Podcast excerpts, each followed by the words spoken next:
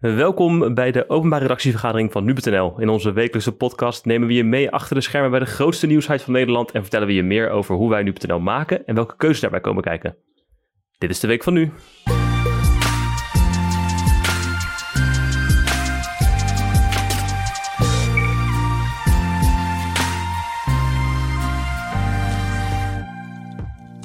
En normaal hoor je natuurlijk altijd uh, Gert-Jaap Hoekman, van Nu.nl. En die is er nu niet, lekker een week op vakantie en ik mag invallen. Mijn naam is Colin van Hoek. Ik ben de adjunct hoofdredacteur van Nu.nl. En uh, Julien, jij bent er gelukkig wel gewoon. Nog een beetje vastigheid voor de mensen. Welkom. Een stukje continuïteit inderdaad. Ja, Gertjaap die is even lekker op vakantie. En uh, ja, Colin, jij bent naar voren geschoven. Want je bent, je bent zo vaak als Gertjaap uh, er niet is, hè? Ja, ik vind het eigenlijk een van de leukste dingen wel hoor. Als Gertjaap er niet is, heb ik altijd meer werken. Maar dit vind ik al een van de leuke dingen eigenlijk. Dus dat komt helemaal goed. positiviteit. En we gaan het over een heel interessant onderwerp hebben. Daarvoor zijn ook uh, twee gasten aangeschoven. Ja, Joost Nederpelt en Kim Einders, samenstellers bij Nu.nl. Welkom jongens. Hi. Hi. En we gaan het deze week hebben over cijfers. Nou hoop ik niet dat iedereen meteen afhaakt. Maar we hebben uh, best wel gestoeid met wat getallen afgelopen week. Hè, van nieuwe bevettingen tot het reproductiegetal, van lokale brandhaarden tot de oversterfte. En ik wil het eigenlijk deze uh, week vooral hebben over hoe je nou verslag doet van die cijfers. Waar kies je dan voor? Wat is belangrijk? Hoe breng je nuance aan? En um, laten we met eigenlijk het, uh, het allereerste begin beginnen. Is het voor jullie heel anders om verslag te doen van cijfers dan van een interview of een persbericht of een rapport? Of is het eigenlijk gewoon hetzelfde? Uh, ja, ik vind het wel heel anders. Het, het, belangrijkste is je aan, aan cijfers. Op zich heb je eigenlijk even overdreven gezegd, niet zoveel. Je moet, het is de kunst om die cijfers te interpreteren en daar zit het nieuws. Dus cijfers aan zich, dat zegt niet zoveel. Maar als je de cijfers kan vergelijken met een eerdere periode, dan wordt het interessant en dan heb je nieuws. Dus je moet altijd een soort van vertaalslag maken. En soms kan je die zelf maken, soms kan je zelf conclusies trekken en soms moet iemand anders dat voor je doen. Um, het maakt het niet minder leuk, maar het maakt het wel anders. Want je gaat wat meer uh, nou ja, zelf aan de slag in plaats van vertrouwen op de experts die je spreekt. Oké, okay, en, en hoe zie jij dat, Joost? Ben je het daarmee eens? Ja, op zich wel. Het, het is ja, wat Kim zegt, het is niet zozeer cijfers op zichzelf, maar meer de cijfers vergelijken.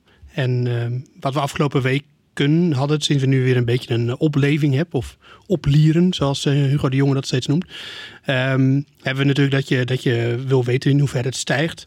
Maar daar komen ook gelijk alle haken en ogen om de hoek kijken, want je hebt te maken met uh, het relatief aantal positieve testen, met het totaal aantal testen. He, hoeveel mensen zijn er getest? Ja. Hoeveel mensen wonen er in een, in een, in een gemeente? Uh, want dat soort cijfers krijgen we allemaal binnen. Eén belangrijk document waar ik afgelopen week heel erg in heb gezeten... is uh, de cumulatieve cijfers per gemeente. Die worden allemaal bijgehouden ja. in een reuze Excel. En uh, ja, daarin zie je dus dat, ja, dat het per week wel toeneemt de afgelopen weken. En je ziet ook dat de ziekenhuisopnames en de overlijdens dat die stabiel blijven.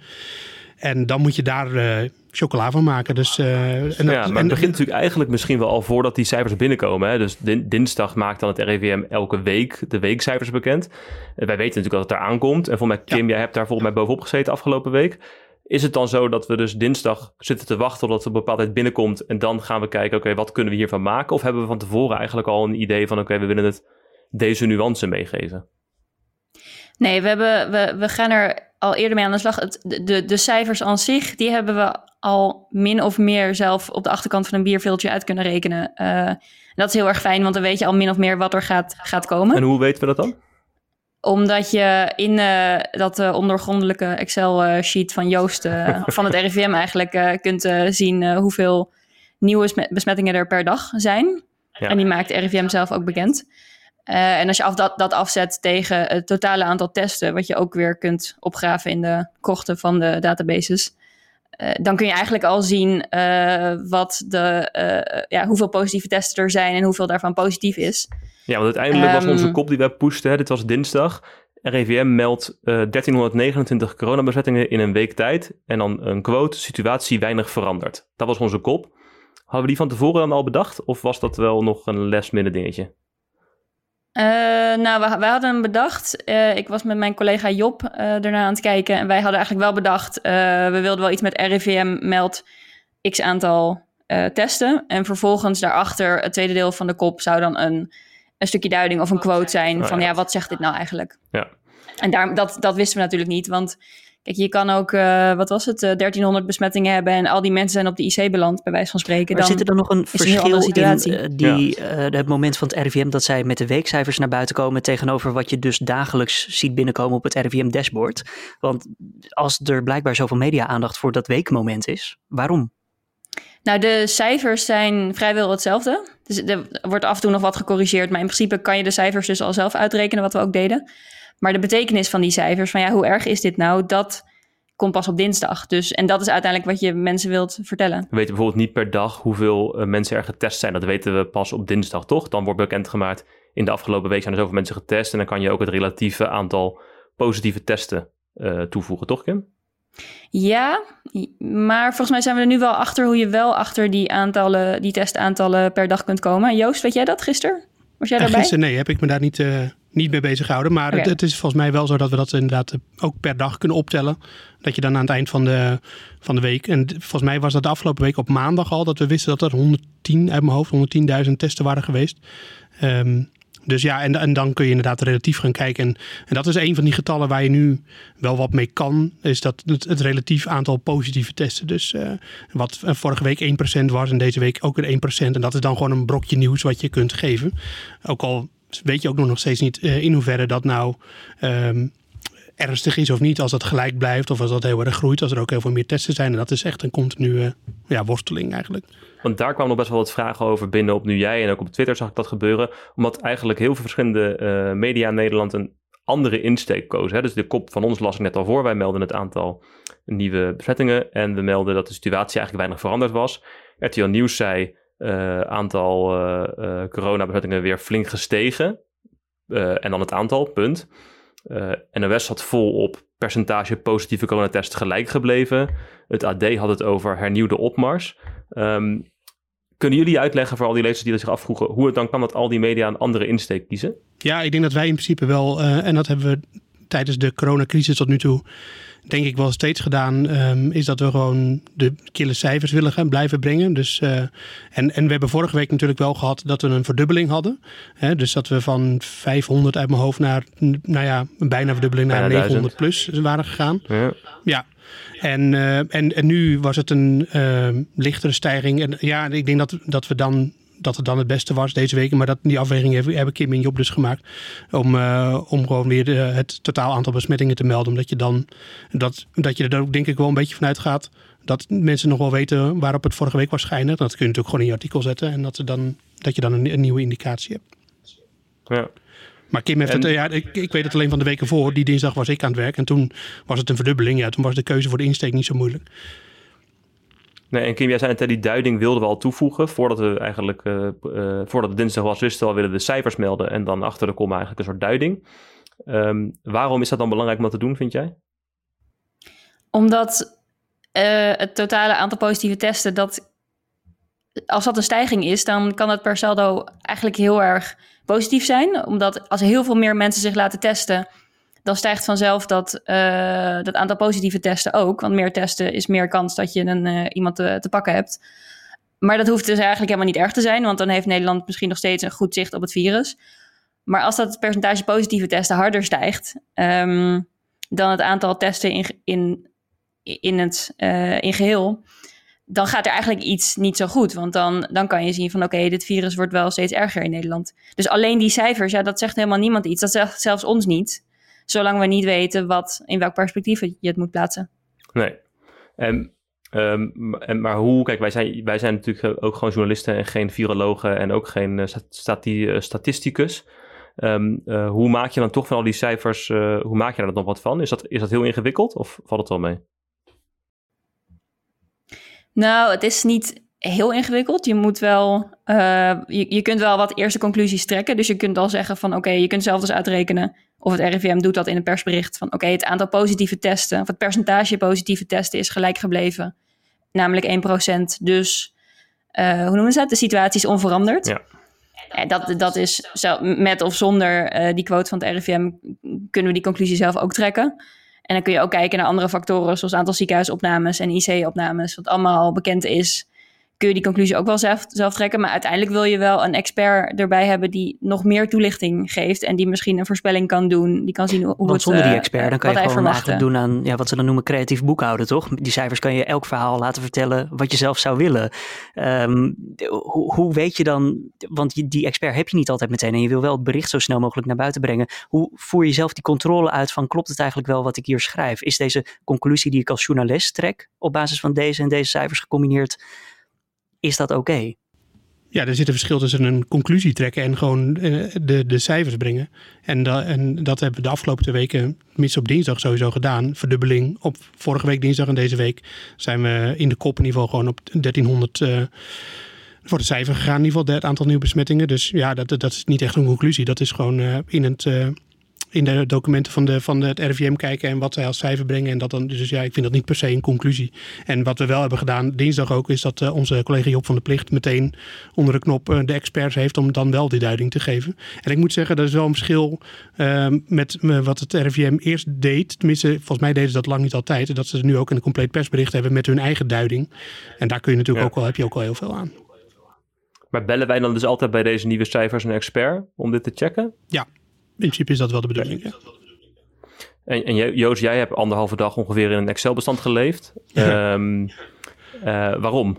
Nou, ik, nou het, was in ieder geval voor, het- voor het eerst dat ik in ieder geval de, dat document onder ogen kreeg. Dus ik wilde gewoon vooral eventjes eh, eh, kijken of ik opvallende dingen zag en hoe dat document precies werkt. En eh, dat, nou, dat klinkt misschien een beetje suf, maar er staan natuurlijk heel veel geme gemeentes in. Dus voordat je eh, een beeld hebt van een trend of zo, dan moet je al heel veel gemeentes door eh, lopen. En je hebt ook te maken met tijd, want ik was op een gegeven moment van plan om van alle gemeentes te gaan kijken van nou, wat is de stijging? Dat bleek een hele hoop werk. Toen ben ik voor de top 30 gegaan. en uiteindelijk heb ik me gefocust op de vier grote steden. En dat eh, eh, van die top 30, daar, ja, de- je wilde er dan een bericht van maken, maar er zijn zoveel extra factoren. Want je weet niet precies per gemeente hoeveel er getest is. Je moet het dan ook weer relatief zien aan het aantal inwoners van de gemeente. Want ja, in Amsterdam zijn meer positieve gevallen. Ja, maar in Amsterdam wonen ook veel meer mensen. Maar dan zie je Utrecht en daar wonen ook relatief veel mensen. En dan is het weer relatief veel lager. Maar je weet dan niet hoeveel er getest is in Utrecht en hoeveel er getest is in Amsterdam. Nee, En hoeveel testruimte er misschien sowieso is. Hè? In het ene Precies. dorp zullen ze het misschien niet testen en dan moet je weer een stuk rijden ervoor. Nou ja, onze eigen collega Daan Smink, die had ook een eh, test moest hij ondergaan. En die woont zelf in de buurt van Purmerend, waar een testcentrum is. En die was in mijn woonplaats in Horen om te testen. Dus omdat er in Purmerend niet zo snel plek was. En dat gebeurde. En ik weet eigenlijk niet precies, dat, wil, dat wilden we nog nagaan, of het dan per gemeente wordt geteld ehm, waar je woont of waar je getest bent. In de Ja, en je moet een auto hebben van. dus blijkbaar. Want Dus, je, eh, er wordt niet verwacht dat je nog even de trein in gaat om een testje af te nemen. Nee. Ik denk niet dat ze dat aanmoedigen, nee. Maar je kunt ook iemand zoeken met een auto, ja. Dat is een van de haken en ogen die er aan het testen nog zitten. Want het, een van de aanleidingen ook om in het Excel-bestand te gaan voor jou was volgens mij omdat we zagen dat er in Rotterdam in ieder geval en, en ook wel een beetje in Amsterdam een afwijking te zien was. Tenminste, dat het dat Rotterdam relatief gezien meer positieve tests had dan ehm, Ja. eh, veel andere regio's. En de regio Rotterdam-Rijnmond dan, en niet alleen maar de stad trouwens. Ja. Ehm, eh, daar, sloeg, daar sloeg ik zelf ook heel erg op aan. Ja. Ehm, eh, maar volgens mij kwam jij tot de conclusie dat het eigenlijk dat we dat er niet zoveel over te zeggen was, toch? Nou, omdat je gewoon, de- nou ja, eigenlijk die factoren die ik net, die ik net inderdaad al noem. En, ehm, eh, en omdat Rotterdam natuurlijk een van de grootste gemeentes is van Nederland, tenminste qua inwoneraantal, ehm, is het gewoon lastig om daar heel erg de vinger op te leggen. Aan de andere kant moet je ook gewoon zeggen, er zijn heel veel besmettingen daar op een relatief kleine ruimte. Dus, dus ehm, we, we kwamen wel tot de conclusie dat er beleid voor moest komen waarschijnlijk. En daar hebben de gemeente ook eh, eh, naar gevraagd meteen van, hey, eh, we zien bij jullie best wel veel besmettingen. Hoe, hoe gaan jullie dat aanpakken? En nou ja, nog in diezelfde week zijn er maatregelen aangekondigd voor mondkapjesplicht in bepaalde gebieden. En dat, is, dat gold niet alleen voor Rotterdam, maar dat gold ook, gold ook voor Amsterdam. Dus eh, ja, eigenlijk zagen wij wat iedereen al zag natuurlijk. En dat, eh, dat, eh, dat het in die grote steden wel eh, problematische vormen weer begint aan te nemen.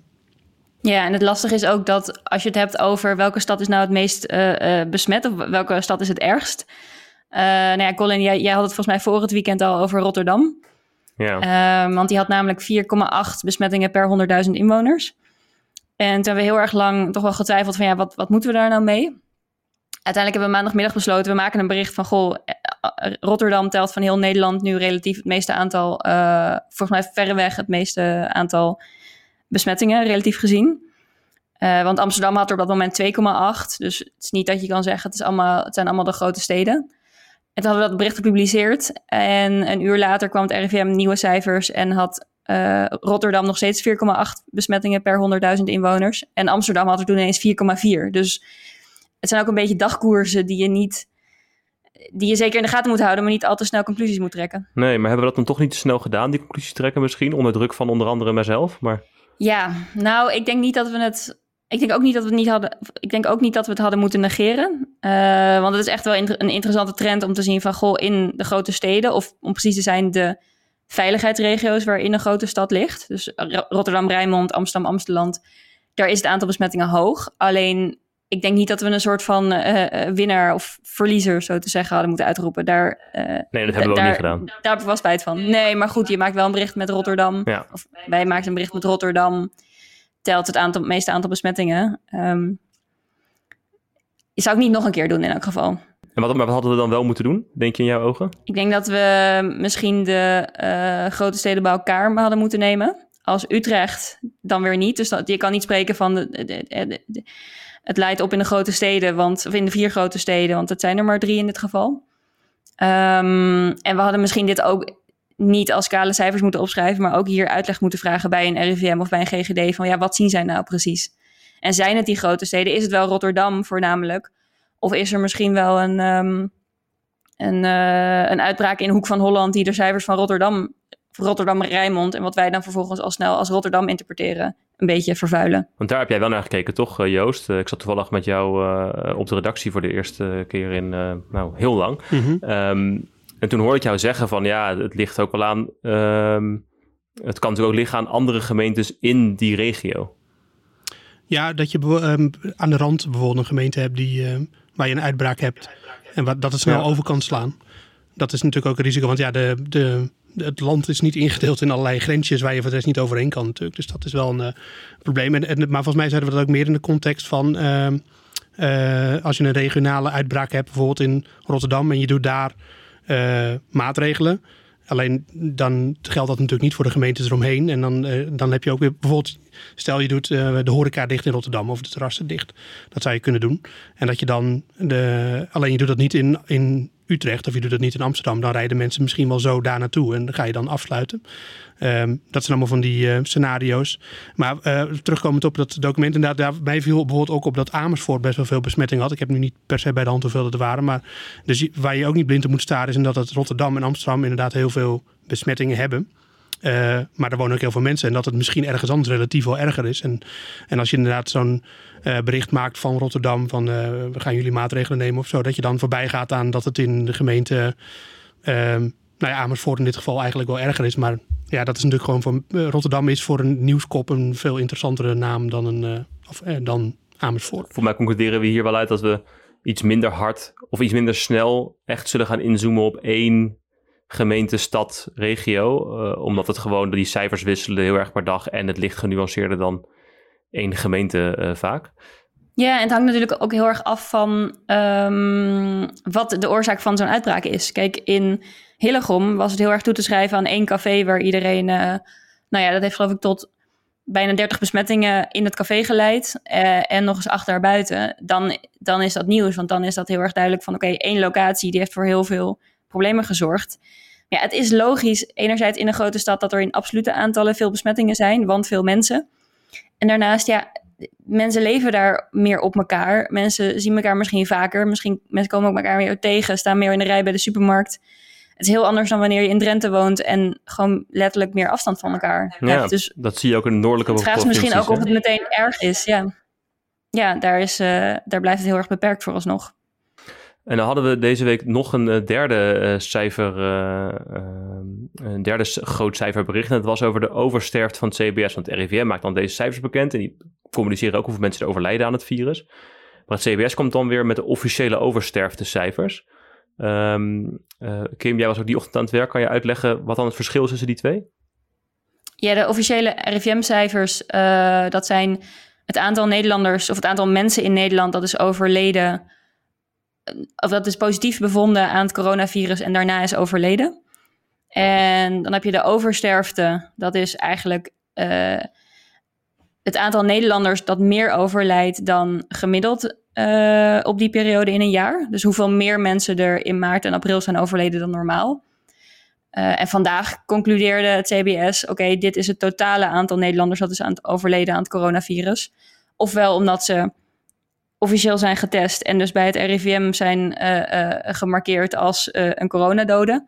Ofwel omdat een, een arts of een schouwarts heeft gezegd: ja, dit, die heeft misschien geen, geen test gedaan, maar, dit kan niet anders dan het coronavirus zijn. Ja, en zeker in de eerste maanden, sorry Julien, zeker in de eerste maanden, maart en april, ging dit dan over bij het CBS. Werd natuurlijk bij lange na niet iedereen getest. Dat is nu een iets andere situatie waarschijnlijk. Maar toen had je nog veel, een veel groter verschil misschien wel. Ja, klopt. En het ging geloof ik om um, nou, op een gegeven moment geloof ik 2000 mensen per week het hoogtepunt die meer uh, stierven dan gebruikelijk. Um, alleen ja, zijn die mensen dan allemaal omgekomen aan het coronavirus? Of uh, uh, was er misschien wel een enorme griepgolf in Nederland die niet op de radar was? Want daar overlijden mensen ook aan. Of misschien plegen er wel meer, meer mensen suïcide. Er, kunnen heel veel oorzaken zijn. En nu heeft het RIVM, of het, het CBS gezegd, ja, die oversterfte het kan bijna niet anders dan dat, dan dat dat allemaal coronadoden zijn. Oké, en, dat, en dat hebben wij ook zo opgeschreven? Niet zo letterlijk, maar daar kwam het wel neer. Er zijn, op neer. Er zijn geloof ik 6,3 duizend uh, bewezen coronabesmettingen. Of uh, overlijdens. En ik geloof nog, nog bijna 2000 uh, eh, vermoedelijk als doodsoorzaak. Ja, want op zich die opmerking die zagen we ook op ons reactieplatform die jij veel terugkomen. Hè? Van hoe weet nou een arts um, wat coronaverschijnselen zijn en wat griepverschijnselen zijn. Want in principe lijken die veel op elkaar tot een bepaalde hoogte. Uh, heeft het CBS daar iets over gezegd? Nee, het CBS niet. Um, nou ja, die zeiden alleen, ja, dokters kunnen echt wel zien uh, wat het verschil is. Um, daar zijn we nu verder mee aan het, zoeken, aan het onderzoeken van wat zijn die verschillen dan precies. Um, daar hebben we nog geen expert over geïnterviewd. Dat stuk is ook nog niet gepubliceerd, maar ik verwacht wel dat dat een deze dagen gaat lukken onder meer een groot verschil is, nou ja, je, je kan, een, arts kan een longfoto maken, daaraan kan hij het al zien. Dus dan is het geen uh, speekseltest, niet met zo'n test, met zo'n uh, stokje in de keel, maar dan kan het alsnog uitwijzen, dit is corona of covid. Um, maar ik geloof ook dat het een bepaalde mate van kortademigheid of ademhalingsproblemen vlak voor overlijden is, waarvan ze zeggen, nou dat is gewoon echt geen griep. Maar ik ben geen arts en ik heb het zelf het interview niet gedaan, maar daar, zulke eh, verschillen in die, verschillen in die, uh, in, in, die gradaties moet je aan, denken. Ja. er zijn natuurlijk hele belangrijke nuances bij, bij zo'n verhaal. Maar toch kan je die niet altijd geven. Want uh, als het CBS met die cijfers komt, kan je niet altijd wat je zegt. We zijn soms dagen bezig om deze informatie naar boven te halen. Hoe zorgen we dan toch voor dat dat bericht over die CBS-cijfers wel... Dat, mens, dat mensen dat met de, de juiste nuance lezen? Door het. Uh, ja, wat vind jij, Joost? Mag ik jou antwoorden eerst? Nou ja, eh, in principe is dat eh, door vooral in instantie alleen op te schrijven wat we weten, inderdaad. En um, het is altijd een beetje een, um, een journalistieke strijd, zeg maar. Dat je aan de ene kant mensen gewoon de kille feiten geeft en dat ze dan zelf hun conclusie mogen uh, trekken. Of je kiest ervoor om zelf de conclusie te trekken als journalist. Je kan eigenlijk die twee kanten kan je op.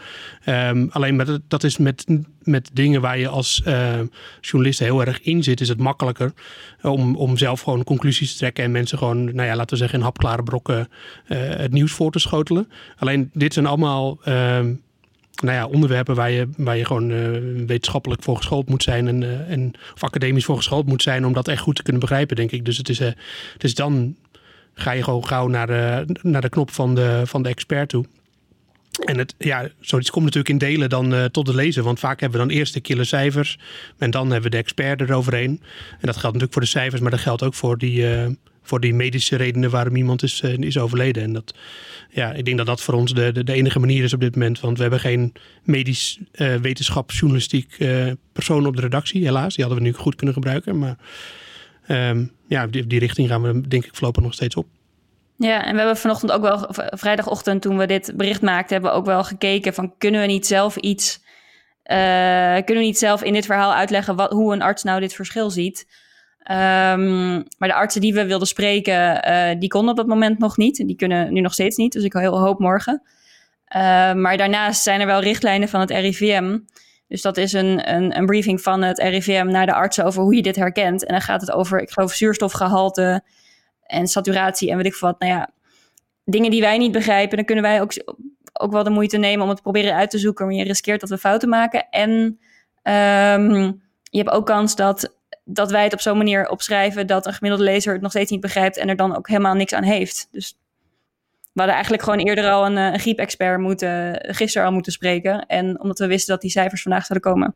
Ja, dus de conclusie, we hadden daar beter op in moeten spelen. Maar ik snap ook dat jullie zeggen, uh, je kan niet altijd direct nuance geven. Uh, en dan zijn uh, gewoon de cijfers die dan voor zich moeten spreken, is gewoon het beste wat je kan bieden eigenlijk. Ja. ja. Interessant. Uh, dankjewel jongens. Ik denk dat we een, een stuk wijzer geworden zijn. Um, en onze, onze luisteraars en lezers hopelijk wat meer hebben duidelijk gemaakt over hoe dit dan precies gaat. Want ik merk nog wel dat, dat mensen niet precies snappen hoe wij um, uh, met al deze cijfers uh, um, echt een goed bericht proberen te maken. En ik denk dat dit aan bijgedragen heeft. Dus dank jullie wel voor jullie tijd. Graag gedaan. Dankjewel. Dan door naar de mail, uh, Colin. je mag blij zijn, want er is eindelijk post.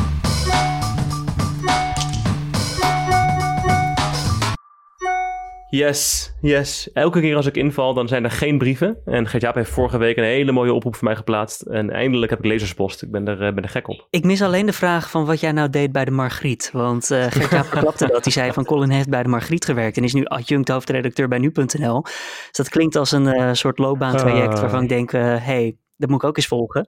Ik heb bij twee uh, uh, media stage gelopen toen ik op school zat. Uh, school journalistiek heb ik gedaan. En mijn, mijn eerste stage was bij nu.nl.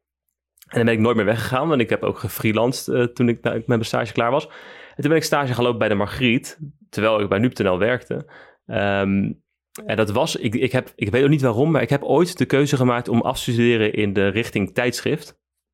Ja, je kon toen nog geen online kiezen, dat wil ik wel even zeggen. Dat was er nog niet. Je moest krant of tijdschrift, radio of tv. Nou ja, krant of tijdschrift ga ik aan doen. Dan heb ik tijdschrift gekozen. Geen idee. En toen ben ik bij de Margriet beland voor mijn stage. En ja, dat... Uh... Maar Colin, ben jij zo'n Margriet-lezer dan? Wat, wat, nee. wat, wat, trok je aan in de Margriet? Ik had uh, mijn stagebegeleider vanuit school. Ik had tegen hem gezegd, ja, ik wil eigenlijk wel iets doen wat uh, een beetje buiten mijn comfortzone ligt. En toen zei hij, oh, je moet naar de Margriet gaan. Toen dacht ik, nou, je kan ook overdrijven. uh, maar hij zei, nee, je mag daar op de reportageafdeling stage lopen. En er is een mannelijke stagebegeleider die zeker weet dat hij het heel leuk vindt dat er ook een man komt stage lopen. En je mag bij de Margriet echt grote verhalen maken. Je hoeft niet de, de kadertjes te vullen en zo. Dus toen dacht ik, nou ja, laat ik het maar gaan proberen. En ik heb er echt best wel veel wel geleerd hoor. Dat was best wel vet. Maar ik zou, ja. zou niet per se nu daar, daar nu fulltime willen werken, nee. nou, dan een brief van uh, Hester die binnen is gekomen. En uh, nou, ze vindt eigenlijk hartstikke leuk wat we doen bij nu.nl. Maar vraag, ze vraagt zich wel af wat me bezighoudt. En wat ik nergens teruglees op jullie site, is de discussie over het gebruik van mondkapjes in het OV. Als de OMT namelijk zegt dat het niet werkt, en misschien in sommige gevallen schrijft zij zelfs het risico verhoogt, waarom moeten we ze dan wel op in het uh, openbaar vervoer?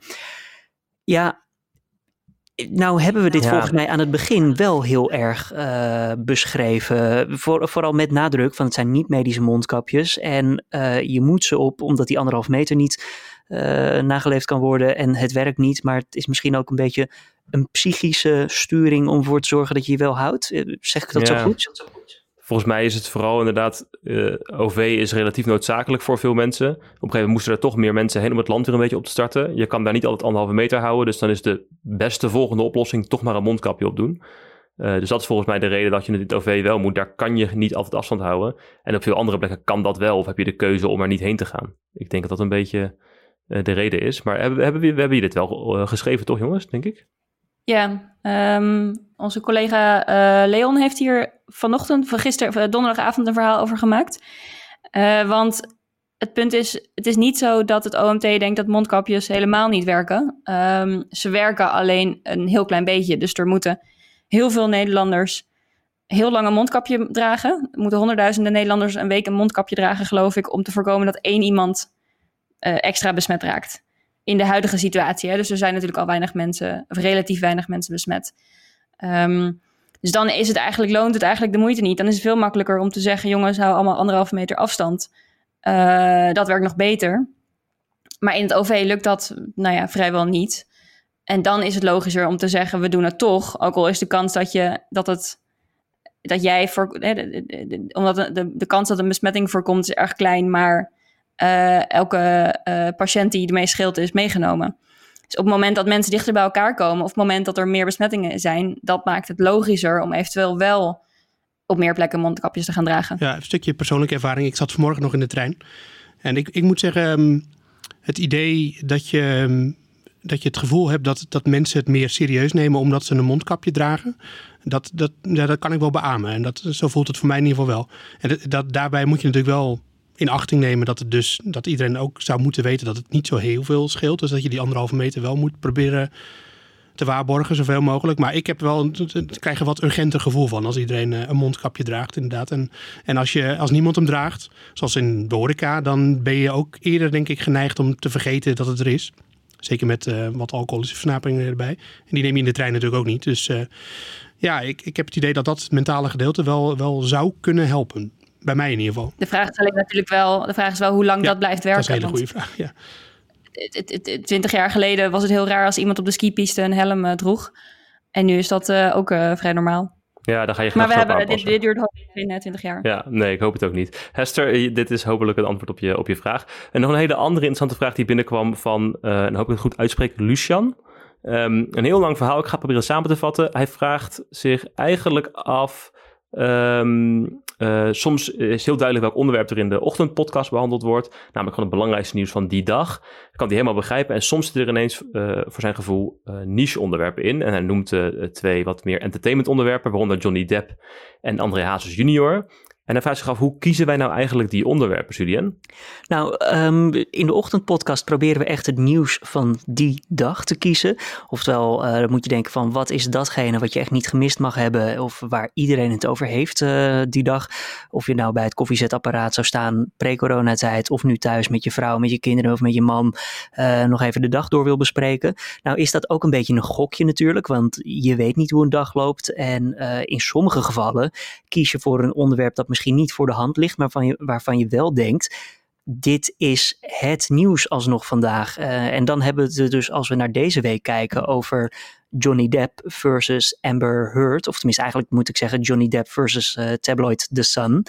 Een onderwerp wat ja, je misschien niet zou verwachten bij ons bij de Dit Wordt Het Nieuws podcast, maar wel iets waarvan we dachten, iedereen krijgt het toch op een of andere manier mee. En het is, nou, ik wil niet zeggen belangrijk om te weten, maar het is wel goed dat je eh, er misschien over mee kan praten aan het eind Ja, van de want wij dag. hebben natuurlijk, bij NuPTL zijn we, zijn we best trots op dat we een heel breed aanbod hebben aan onderwerpen. hè. We hebben niet alleen maar binnenland, buitenland, politiek en economie, maar ook eh, heel veel sport. We zitten, zetten in op technieuws, op entertainmentnieuws.